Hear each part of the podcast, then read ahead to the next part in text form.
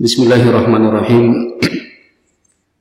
إن الحمد لله نحمده ونستعينه ونستغفره ونعوذ بالله من شرور أنفسنا ومن سيئات أعمالنا من يهده الله فلا مضل له ومن يضلل فلا هادي له أشهد أن لا إله إلا الله وحده لا شريك له وأشهد أن محمدا عبده ورسوله لا نبي بعده. قال ربنا جل وعلا في القرآن الكريم يا أيها الذين آمنوا اتقوا الله حق تقاته ولا تموتن إلا وأنتم مسلمون. فإن أصدق الحديث كتاب الله وخير الهدى هدى نبينا محمد صلى الله عليه وسلم وشر الأمور محدثاتها فإن كل محدثة بدعة وكل بدعة ضلالة وكل ضلالة في النار. Ma'asyiral muslimin rahimakumullah sambil menanti waktunya berbuka puasa hari ini Selasa tanggal 8 Ramadan 1442 Hijriah. Mari kita memanfaatkan waktu untuk uh, membaca dan menyimak hadis-hadis Rasulullah sallallahu alaihi wasallam Ma'asyiral muslimin rahimakumullah. Bulan Ramadan seperti yang diterangkan oleh sahabat Ibnu Abbas radhiyallahu anhuma tentang kedermawanan dan kebaikan Rasulullah sallallahu alaihi wasallam menunjukkan adanya peningkatan dan berlipat-lipat dibandingkan hari-hari biasa. Di dalam riwayat Bukhari, sahabat Ibnu Abbas mengatakan, "Kana Rasulullah sallallahu alaihi wasallam ajwadan nas wa kana ajwad ma yakun fi Ramadan." Nabi Muhammad itu orang yang paling baik paling dermawan, paling suka berbagi, paling senang memberi. Itu pada hari-hari biasa. Pada bulan Ramadan, kebaikan Nabi Muhammad SAW itu berlipat-lipat. Jauh lebih banyak dibandingkan hari-hari biasa. Bahkan oleh sahabat Ibnu Abbas disamakan dengan angin yang bertiup cepat, kencang, dan bisa memberikan manfaat untuk banyak orang. Maka bulan Ramadan itu juga disebut dengan bulan berbagi. Bisa dalam bentuk sedekah, infak, zakat, zakat fitrah, dan juga zakat mal. Dan itulah yang biasa dilakukan oleh umat Islam sejak dahulu kala. Bersedekah diterangkan oleh Ibnu Qayyim Al-Jauziyah rahimahullah memiliki pengaruh yang sangat luar biasa untuk menahan dan mencegah musibah serta malapetaka. Di dalam salah satu kitabnya yang berjudul Bada'iul Fawaid, Ibnu Qayyim menjelaskan lisadaqati wal ihsan ta'thirun ajib fi daf'il bala wa daf'il ain wa syarril hasid. Bersedekah, berbuat baik kepada orang lain memiliki pengaruh yang sangat menakjubkan. Menjadi sebab terhindar dari bala selamat dari penyakit ain. Penyakit ain itu adalah penyakit yang disebabkan pandangan orang yang tidak suka. Dan itu nyata kata Rasulullah Shallallahu Alaihi Wasallam. Mungkin di Indonesia tidak sebanyak dan tidak sesering yang ada di Timur Tengah. Kalau di Timur Tengah itu satu hal yang sering ditemukan. Wasyarril hasid bersedekah dan berbuat baik itu akan melindungi dari iri dan dengki. Walau lam yakun fi hadha illa tajarubul umami qadiman wa hadithan lakafa bihi. Seandainya pembuktiannya hanya dengan uh, fakta dan kenyataan yang sudah dialami oleh umat manusia dari dulu sampai sekarang, kata Ibnu Qayyim, lakafa bihi. Pembuktian itu sudah lebih dari cukup. Fama yakadul ain wal hasad wal adha yatasallatu ala muhsinin mutasaddiq. Bisa dikatakan kata Ibnu Qayyim al-Jauziyah, orang yang senang berbuat baik, orang yang gemar bersedekah, berbagi, memberi kepada yang lain sesuai dengan batas kemampuan. Bisa dikatakan hampir tidak ada orang yang iri, tidak ada orang yang mengganggu, dan merugikannya. Wa in asabahu syai'un min dhalik kana mu'amalan fihi bil lutfi wal ma'unati wa ta'yid. Kalaupun terjadi artinya ada orang tuh senang sedekah, suka memberi, gemar berbagi kepada yang lain. Kok kemudian ada yang menyakiti, ada yang mengganggu, ya, ada yang menzalimi. Kata beliau, Walaupun itu terjadi, karena muamalan fihi bil lutfi wal ma'unati wa ta'yid. Allah Subhanahu wa taala yang akan membantu dan menolongnya. Allah yang akan membelanya. Wa kanat lahu fihi al-aqibatul hamidatu. Dan nanti akan berakhir dengan baik dan indah. Fal muhsinu al-mutasaddiq fi khafarati ihsanihi wa sadaqatihi alaihi minallahi junnatun waqiyatun wahisnun hasinun. Orang yang bersedekah, berbuat baik, itu akan terjaga. Allah Subhanahu wa taala yang akan melindunginya dalam benteng yang kokoh. Dan termasuk keajaiban sedekah juga.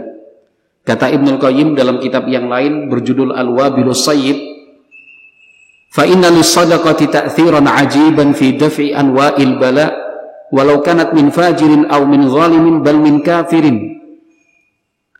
Keajaiban sedekah itu bisa menolak dan juga bisa menjaga dari musibah dari bala meskipun pelaku sedekah itu orang jahat orang zalim bahkan orang kafir sekalipun.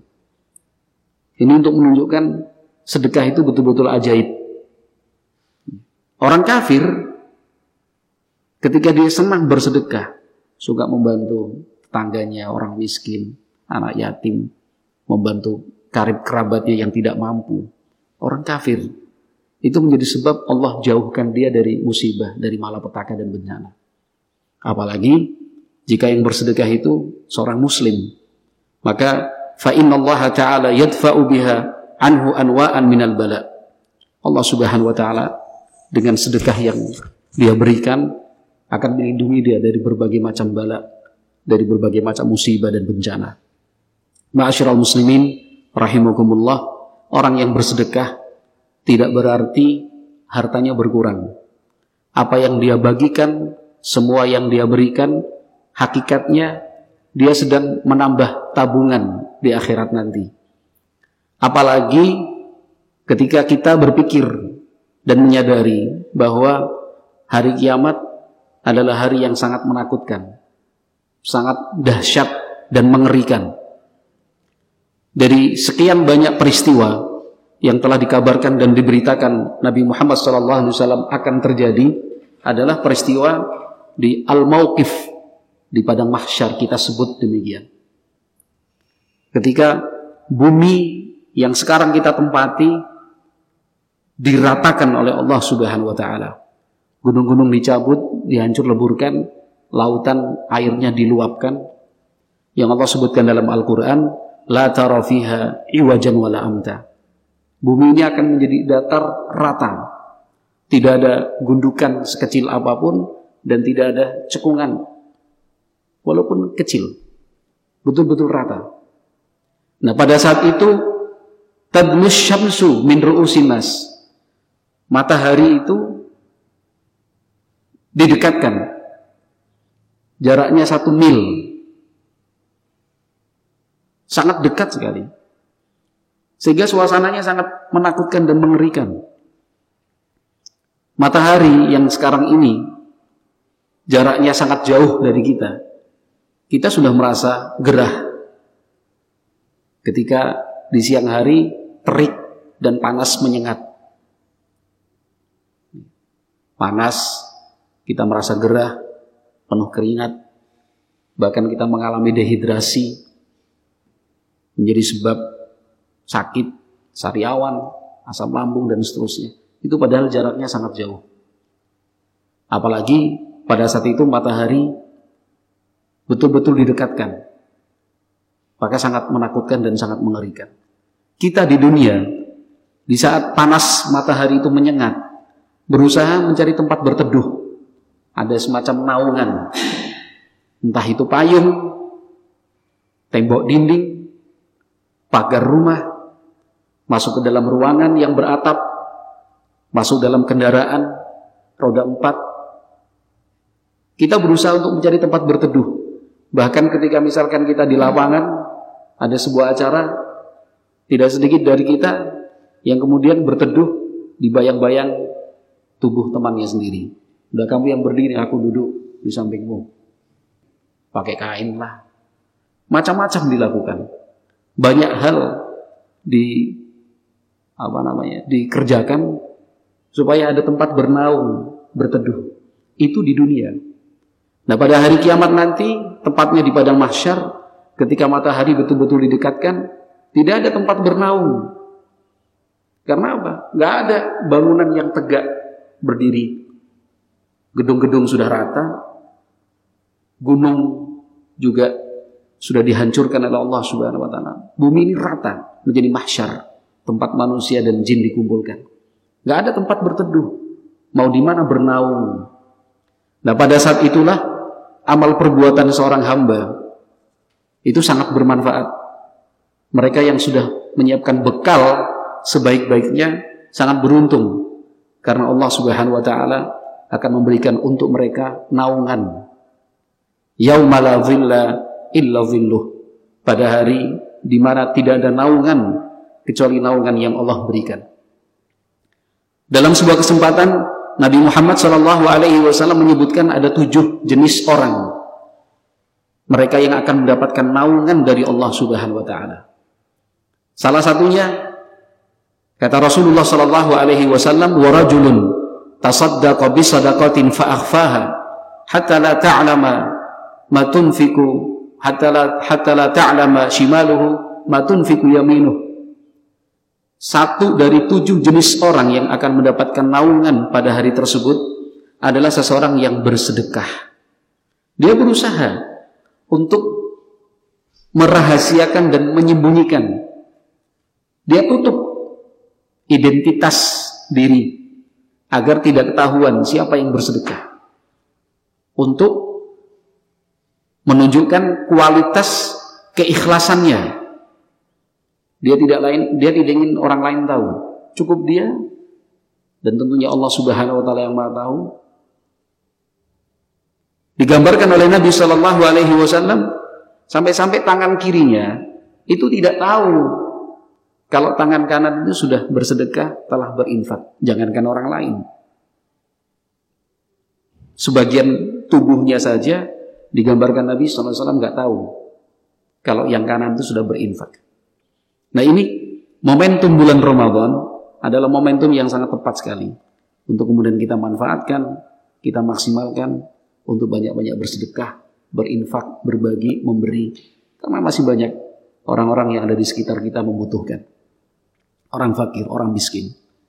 Di dalam sebuah riwayat yang disebutkan Imam Ahmad disahihkan oleh Syekh Al-Albani rahimahullah, Nabi Muhammad sallallahu alaihi wasallam bersabda, "Kullu mri'in fi dhilli sadaqatihi hatta yufsala bainan nas au hatta yuhkama bainan nas."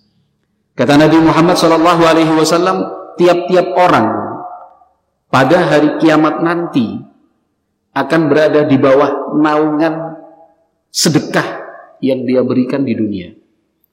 Kata para ulama, Al-Mubarak Furi rahimahullah, Asy-Syaikh Al-Utsaimin rahimahullah dalam syarah Riyadhus Shalihin, dalam syarah Bulughul Maram dan beberapa referensi lainnya menyebutkan Allah Subhanahu wa taala maha mampu untuk mengubah bentuk sedekah yang dulu dia berikan di dunia, yang dulu dia bagi-bagikan saat hidup di dunia.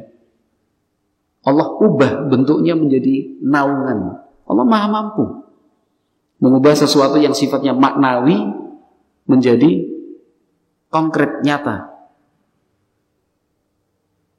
Se seberapakah teduhnya naungan tersebut sesuai kadar sedekah yang diberikan? Sampai kapan itu? Kata Nabi Muhammad SAW, hatta yufsala bainan nas sampai selesai pengadilan dan persidangan di hadapan Allah Subhanahu wa taala. Semua umat manusia itu kan sangat lama. Sangat lama sekali. Berapa banyak manusia? Padahal tiap-tiap orang itu akan disidang, diadili serinci-rincinya, sekecil-kecilnya, sedetail-detailnya. Catatan itu akan ditunjukkan. Nih yang kamu perbuat selama di dunia. Ini kebaikanmu, ini keburukanmu. Masa penantiannya sangat panjang. Maka pada saat itu masing-masing kita sangat memerlukan naungan untuk berteduh.